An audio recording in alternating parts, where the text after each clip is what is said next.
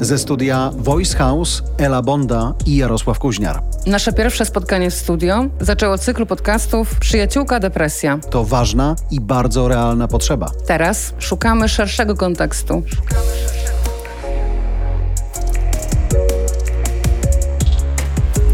Dr Aleksandra Kołodziej, psycholożka, neurokognitywistka, związana jest z Uniwersytetem SWPS.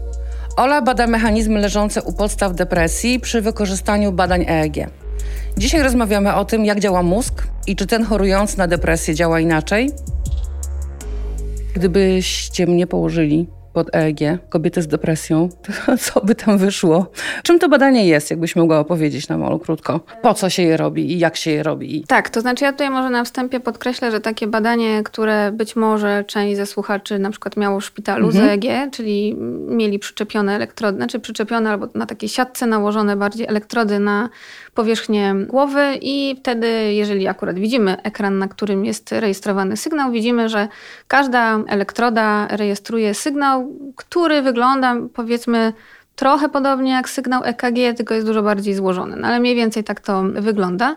Natomiast badanie kliniczne i badanie naukowe jest zupełnie inną historią. To znaczy, my robiąc badania naukowe, nie analizujemy, nie przeglądamy w ogóle danych pojedynczych osób. Nas interesuje grupa. Mhm. Więc tak jakbyś ty była u nas, to mówiąc szczerze, wiele byśmy ci nie powiedzieli. Co może I wiele być... pewnie bym nie wniosła jako jedna e, osoba. To też, ale część osób przychodzi do nas takim właśnie mhm. oczekiwaniem, że co my tam zobaczymy i co możemy powiedzieć. I prawdę powiedziawszy, niewiele. To znaczy, nie ma takich badań z zakresu EEG, które mogłyby być diagnostyczne.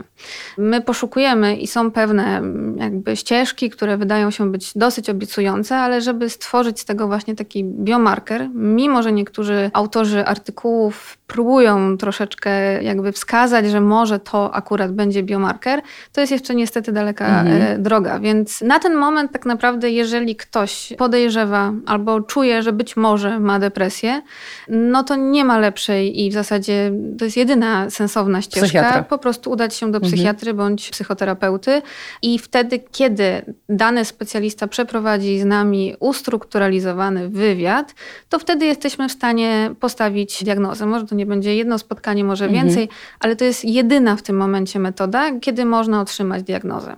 Więc jeżeli ktoś próbuje powiedzieć, że jest inaczej, to, no to, to, to jest troszeczkę naginanie rzeczywistości, dlatego że to, że tak wiele badań się dzieje, to jest super, natomiast to na ten moment nie przekłada się na jakieś dodatkowe narzędzia diagnostyczne. Mhm. Ja oczywiście mam nadzieję, że kiedyś w przyszłości tak będzie, bo to każda cegiełka gdzieś się dokłada i może bardziej spójny obraz nam się wyłoni. Natomiast y, mimo, że już wiemy o pewnych różnicach w funkcjonowaniu właśnie mózgu osób z depresją, to ewidentnie nie jest diagnostyczne. Problematyczne jest właśnie to, co wspominałam, czyli, że każdy też pacjent jest zupełnie inny mhm. i z takiego sygnału EEG my nie jesteśmy w stanie wyczytać, tak, jakie jest natężenie objawów. To to jest w ogóle zupełnie inny e, okay. poziom. My jeszcze jednak dosyć dużo nie wiemy po prostu o funkcjonowaniu mózgu, więc stworzenie jednego wskaźnika, który miałby działać na wszystkie osoby z depresją, w tym momencie jest dosyć Jasne. Badanie EEG to jest badanie fal mózgowych, prawda? Co to są te fale mózgowe? Fale mózgowe potocznie nazywane to są e, tak zwane oscylacje mózgowe. E, oscylacje no, kojarzą nam się z takimi systematycznymi zmianami tak, w sygnale. Jeżeli ktoś jeszcze pamięta gdzieś liceum, czyli fala sinus cosinus, no to była górka, później mhm. dołek. Tak? No i mniej więcej takie cechy ma też sygnał EEG, czyli właśnie nasze fale mózgowe. Natomiast one mogą być z różną częstotliwością, z różną amplitudą i też bardzo istotne jest to, w jakich obszarach rejestrujemy dane fale. Więc tutaj jakby wiele czynników na to zachodzi. Sam sygnał, no mówię, wygląda dosyć niepozornie, to znaczy wielu rzeczy tak naprawdę nie wyczytamy. To znaczy tam gołym okiem powiedzmy klinicyści faktycznie na przykład w kontekście zaburzeń snu pewne mhm. rzeczy można zobaczyć, czy w dobrą fazę ktoś wchodzi, czy nie. Natomiast jeśli chodzi o takie bardziej złożone zachowania jednak, to tutaj musimy, no gołym okiem nie odczytamy. Zazwyczaj w badaniach naukowych po prostu bierze się pewną grupę osób, najlepiej żeby to było kilkaset, ale to już jest często trudne, mhm. z różnych względów powiedzmy kilkadziesiąt osób i ten sygnał wtedy zbieramy, jakby uśredniamy, już tak najbardziej ogólnie mówiąc, faktycznie się robi tam dużo bardziej zaawansowane analizy statystyczne, ale chodzi nam o to, żeby zobaczyć, czy ta grupa osób różni się właśnie czymś od tej grupy osób zdrowych. Natomiast tak roboczo fale mózgowe zostały, znaczy roboczo, no tak może praktycznie bardziej, mhm. zostały podzielone na różne fale. I pewnie każdy słyszał o falach alfa, beta, teta, gamma. I często w internecie można też trafić na takie pewnego rodzaju uproszczenia, że na przykład fale alfa są odpowiedzialne za relaks, a fale teta za pamięć. No a delta, no akurat delta są najczęściej właśnie w trakcie głębokiego snu. Natomiast mhm. to jest wszystko prawda, natomiast jest to pewnego rodzaju uproszczenie. Nawet z takiego prozaicznego powodu, że no, każdy z nas widzi, jak złożone są nasze zachowania, więc jeżeli nasz mózg charakteryzuje się aktywnością elektryczną i to jest jakby no, podstawowa aktywność, jaką mhm. obserwujemy, no to nie ma możliwości, żebyśmy mieli siedem różnych fal, każda odpowiada za jedną rzecz, a co z resztą, tak, z naszych bardzo złożonych zachowań.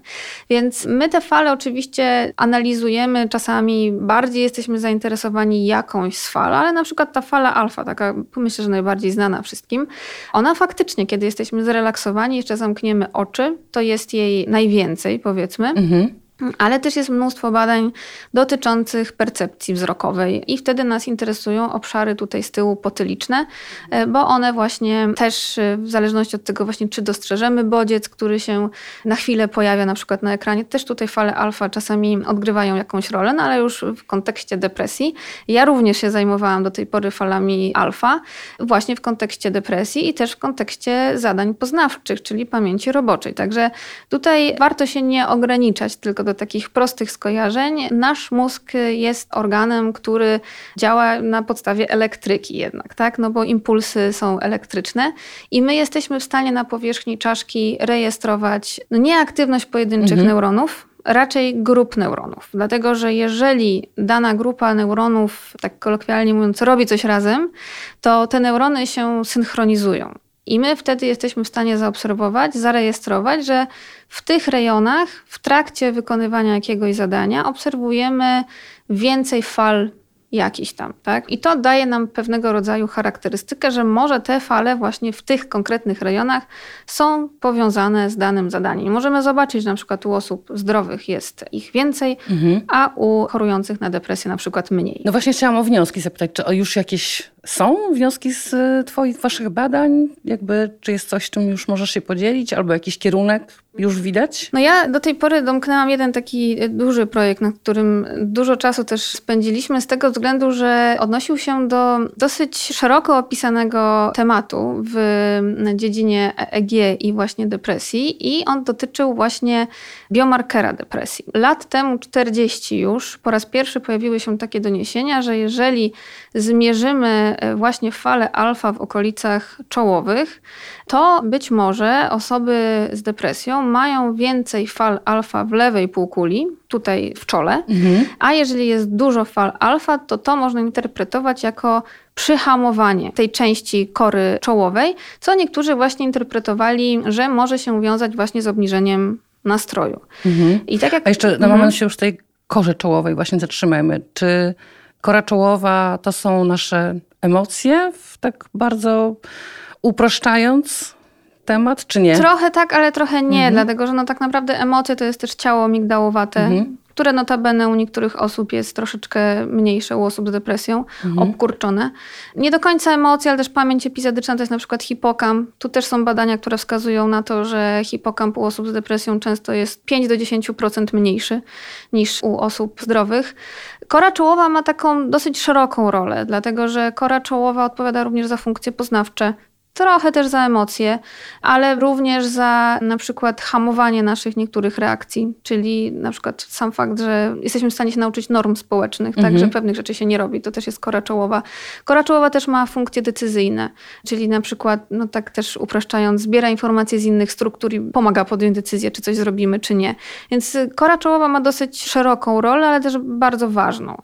Upatrywano również, że bierze udział w takich aspektach emocjonalnych. Myślę, że że trudno tutaj, znaczy na pewno nie ma jedynej, nie mhm. jest to miejsce odpowiedzialne Jasne. za emocje, natomiast no tutaj wracając właśnie do faktu, że jednak mózg jest jednym wielkim organem i to nie jest tak, że mamy takie szufladki, każda szufladka jest za coś innego, tylko te struktury się ze sobą komunikują, no to w wyniku tej komunikacji pewną rolę kora czołowa również może odgrywać również w tych kwestiach emocjonalnych. No i właśnie te badania 40 lat temu i później jakby oczywiście przez te 40 lat się pojawiały kolejne, wskazywały na to, że właśnie może jeżeli będziemy mierzyć poziom fal alfa w właśnie okolicach czołowych, mm. no to mm, będziemy mogli taki właśnie biomarker stworzyć, czyli że może nie będzie trzeba już iść na, ja trochę koloryzuję, no, iść Jasne. na diagnozę, tylko założymy elektrody i powiemy, o ta osoba właśnie ma depresję albo ma predyspozycję do Czyli trochę tak, depresji. tak jak idziemy do internisty, dajmy na to z zapalaniem płuc,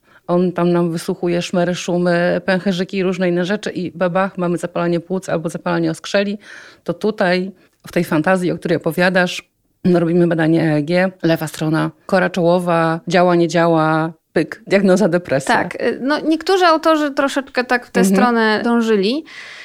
Ja byłam stosunkowo sceptyczna, natomiast no, to są badania 40-letnie, to nie tak łatwo jest z nimi dyskutować. Natomiast pojawiały się takie również badania, gdzie tego efektu nie potwierdzano. I to też warto jakby mówić o tym, że, że to też nie jest tak, że jak jakieś pojedyncze badanie mówi o jakimś efekcie, to od razu mamy pewność, ok, dobra, już coś zostało odkryte. Tak? Nie jesteśmy w stanie przebadać całej populacji. Trafia nam się do badania jakaś próbka i może w tej próbce populacji akurat ten efekt był. On zazwyczaj nigdy nie był silny w tych badaniach, ale faktycznie niektórzy autorzy się kusili, żeby nazywać to biomarkerem.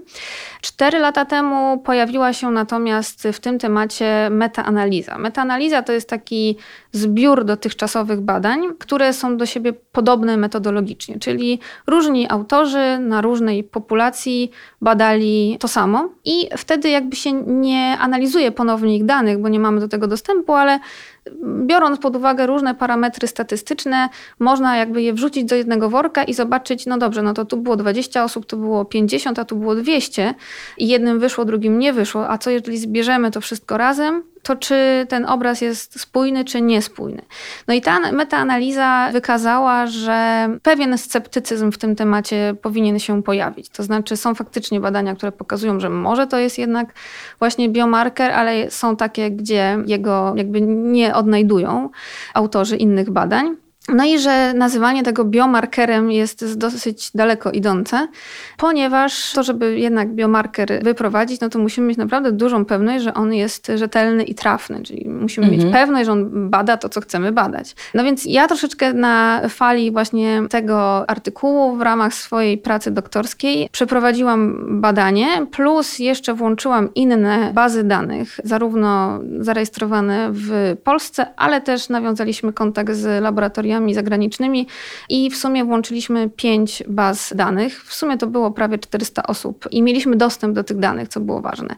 I zrobiliśmy z zespołem takie podejście, które mm, teraz coraz częściej jest stosowane w nauce, aczkolwiek nie jest bardzo częste, Odpowiadając na dane pytanie w nauce, możemy za każdym razem wykonać różne kroki w kontekście analizy statystycznej. One są wszystkie poprawne. Natomiast y, zazwyczaj w artykułach prezentuje się tę jedną ścieżkę, no bo autorzy są ekspertami w danej dziedzinie, dobierają adekwatne kroki, no i wychodzi im coś bądź nie wychodzi. I my postanowiliśmy tych ścieżek przeanalizować wiele i zobaczyć, w ilu dojdziemy do efektu właśnie pozytywnego, a w ilu okaże się, że tego. Wyszło? Trochę minęło czasu, więc nie pamiętam ile było tych analiz, ale ich było ponad 100 i wyszło nam, że tylko w trzech czy pięciu ten efekt był całej reszcie nie było. Bez względu na to, jakie Aha. podejście statystyczne stosowaliśmy. Jeszcze robiliśmy takie agregowane analizy, no bardzo, bardzo dużo. Udało się ten artykuł e, opublikować w dobrym czasopiśmie, więc widzimy już po pewnym czasie, że te wnioski docierają do różnych obszarów nauki, nie tylko tych związanych nawet z depresją, ale wnioski były takie, że faktycznie możemy trafić na taką grupę osób i na taką ścieżkę analityczną, że ten efekt nam się pojawi w wynikach. Okay. Natomiast jeżeli przetestujemy wiele takich ścieżek, nawet kilkadziesiąt czy kilkaset na wielu osobach badanych, na wielu różnych grupach, zarejestrowanych na różnych narzędziach, znaczy no, różnych modelach EEG i w różnych zakątkach świata, bo mieliśmy dane i z Azji, i ze Stanów, mhm. i z Polski, to zazwyczaj jednak ten efekt się nie pojawia. Więc może się zdarzyć tak, że akurat nam się trafi taka grupka, ale zazwyczaj jednak e, nie. Więc no, tutaj troszeczkę może kontrowersji wprowadziliśmy, ale to był taki artykuł, gdzie nam bardzo zależało, żeby uczulić, że jeżeli wyciągamy takie wnioski, że coś jest właśnie biomarkerem, to żeby wszystkie kroki metodologiczne były bardzo przemyślane i bardzo porządne. Już tu nie chcę wchodzić w szczegóły, ale Jasne. też takie wskazówki dawaliśmy, co naszym zdaniem w tych dosyć dawnych badaniach, więc to też tu nie ma co oskarżać tych autorów, bo 40 lat temu mieliśmy inną wiedzę na temat analizy EEG. Jakie błędy zostały popełnione, jak to można robić bardziej tak poprawnie mhm. metodologicznie. Zaciekawiłaś mnie tym, co powiedziałaś kilka minut temu a propos, zdaje się, ciała migdałowatego, że bywa mniejsze u osób chorujących na depresję. A czy jest zbadane, czy to po prostu jest już od początku i może być powodem depresji, czy może w trakcie chorowania coś się dzieje i to się przykurcza? E, to znaczy, badania wskazują, że jest trochę mniejsze u osób, które nie leczyły się farmakologicznie. Mhm. Natomiast u osób, które leczyły się w tym kontekście właśnie leczenia farmakologicznego, było albo podobne jak u osób zdrowych, albo jakby wracało do formy. Czyli okay. Trudno mi jest powiedzieć, jak było przed, bo to jest właśnie ten problem taki techniczny w prowadzeniu tych badań. Że nie macie no, tego punktu referencyjnego tak, to znaczy, zdrowej osoby, która później ewentualnie tak, tak. zachoruje. Tak. Mamy punkt referencyjny w postaci mhm. osoby, która obecnie nie choruje, mhm. tak? ale my nie wiemy, czy ona zachoruje. Natomiast y, zazwyczaj no, w badaniu mamy osobę, która jednak już mm, zgłasza te objawy. No, trudno to jakby utrafić, tak, że ktoś akurat y, no teraz tak. nie ma, a później będzie miał depresję, więc Tutaj właśnie te badania tak zwane podłużne nie są takie proste, no bo musielibyśmy, no nie wiem, wylosować tak próbkę mhm. z populacji, po, nie wiem, 10 latach zobaczyć, ile osób z tych wcześniej przebadanych zachorowało na depresję. Może się zdarzyć tak, że nikt akurat z tej grupy, albo jedno. No, no nie jest to proste, prawda? No nie, nie. Nie brzmi to wszystko bardzo, wręcz w ogóle nie brzmi to prosto. Po rozmowie z tobą mam jeszcze większe przeświadczenie, że nasze mózgi to są bardzo, bardzo, bardzo skomplikowane struktury? No są, to znaczy, tak jak mówię, no widać na przestrzeni lat, że metody w ogóle, jakimi mhm. operujemy, są coraz bardziej dokładne, ale mimo wszystko jesteśmy na tyle złożonymi organizmami, tak? Nasze zachowania są na tyle złożone, że połączenie tego z właśnie tym, co rejestrujemy na poziomie mózgu, z zachowaniem nie zawsze jest takie proste. Mhm. Wydaje mi się, że wniosek jest taki, że jeszcze dużo przed nami i przed naukowczyniami i naukowcami, ale też przed nami samymi ludźmi, żebyśmy zrozumieli więcej. To była bardzo ciekawa rozmowa. Bardzo Ci dziękuję, Olu. Dziękuję I trzymam również. kciuki za dalsze badania. Dziękuję bardzo. Jeśli chcesz podzielić się swoją historią albo masz do nas pytania, napisz do mnie na bonda małpa voicehouse.co.